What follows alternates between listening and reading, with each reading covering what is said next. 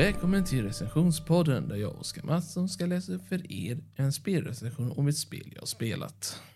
Veckans spel är Darksiders 1. Detta spel är mer av ett kaosbalansspel och är baserat på en teori. Denna teorin är att ont och gott måste finnas för att det ska vara en balans och liknande. Men eh, till skillnad från detta spelet så är det baserat på att balansen är verklighet. Balansen är alltså ett liv. Ett, en värld som baseras på detta. Där det finns två kungariken. Det ena är änglar, det andra är demoner. Det vill säga ont och gott. Och vi är i mitten.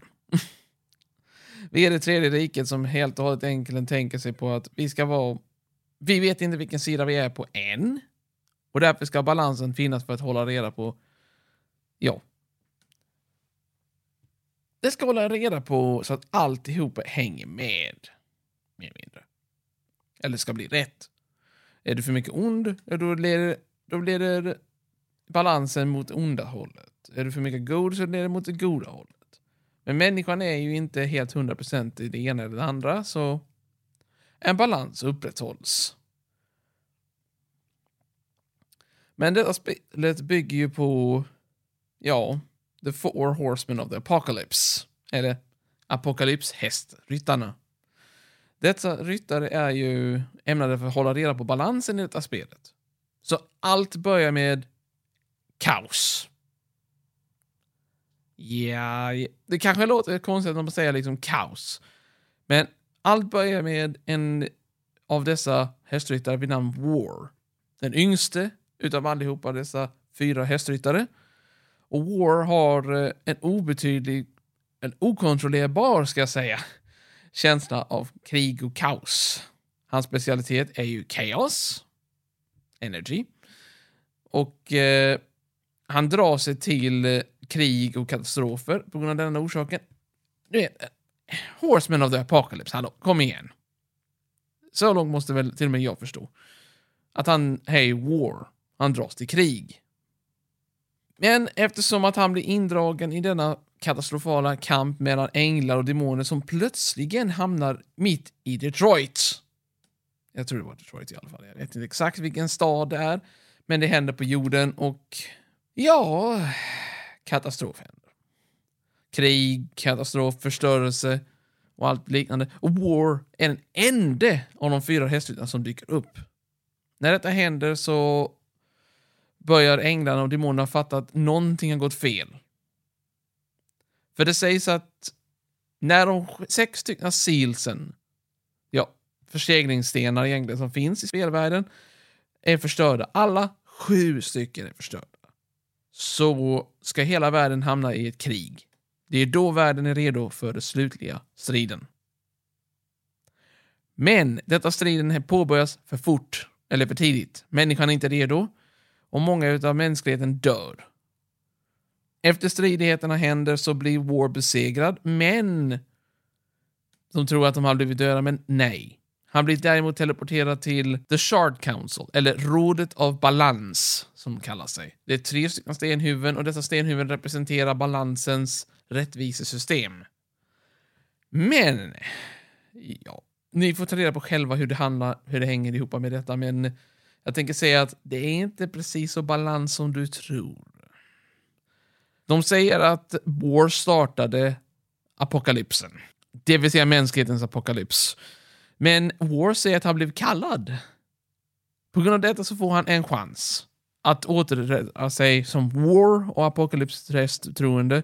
och att han verkligen ämnar för att hålla reda på balansen. På vägen dit så skickas han tillbaka till jorden men flera år har gått, så det är över. Mänskligheten är nästan utrotad, det finns några få kvar. Men man får inte träffa på någon mer än en mystisk zombieliknande, eller hollowed som de heter.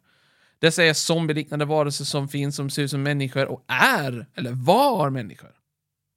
Jag kommer nämna ett namn nu som finns med i alla spelen och detta är eh, uh, Mr Killjoy.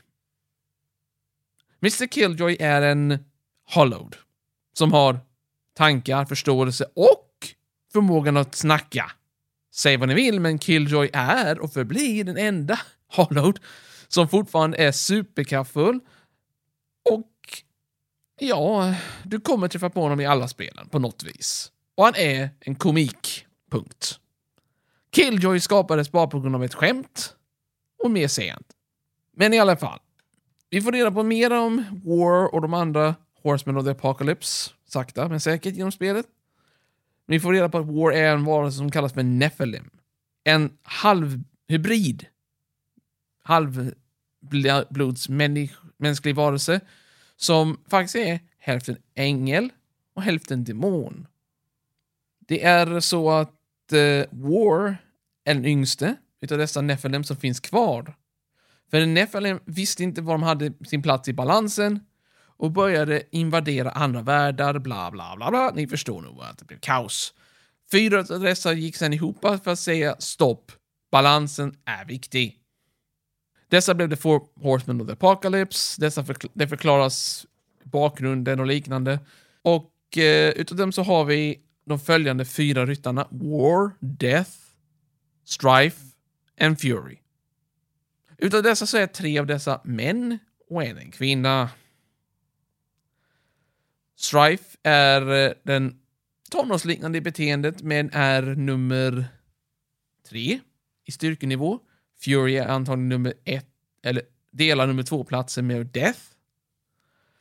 Och Death är och förblir den äldste. Han är mycket smartare, lugnare och balanserad. Men nåja, tillbaka till Darksiders 1-storyn som är eh, att du ska försöka besegra fyra sina väktare för att försöka återuppbygga mänskligheten till att få kontroll över världen. Men saker och ting går inte som planerat. För att göra detta så måste han hjälpa en demon som i sin tur försöker samtidigt hjälpa sig själv. Ja, lite konstigt. Men eh, spelet slutar ju med att War får tag i det sista selet som inte blir förstörd. Han besegrar ängen, eller den fallna ängen som startade kriget. Och sen är det slut, kan man tro. Men som vi vet, det är inte över för eftersom han förstörde sjätte silet, sjunde silet menar jag förresten, som kallar till de andra Horsemen och apokalypsen har börjat. Får verkligen ha börjat. För någonting mystiskt mörkt väntar i skuggorna. Någonting som Shard Council kan vara inblandad i. Men jag tänker inte avslöja, för allt annat i storyn får ni uppleva själva. Det är hjärteskärande, det är underbart, det är fruktansvärt. Ja, det är lite hit och dit. Och just det, vänta lite, jag glömde bort en sak. Mitt betyg för detta spel. Mitt betyg på detta spelet är 7,5 av 10. Spelet släpptes 2010 och uppdaterades 2016 till War Master Edition, vilket innehåller soundtrack och HD-system. Jag finner detta spelet värt det faktiskt. Köp dock inte standardspelet, för det går inte att köpa längre. Köp War Masters Edition. Du får automatiskt originalspelet.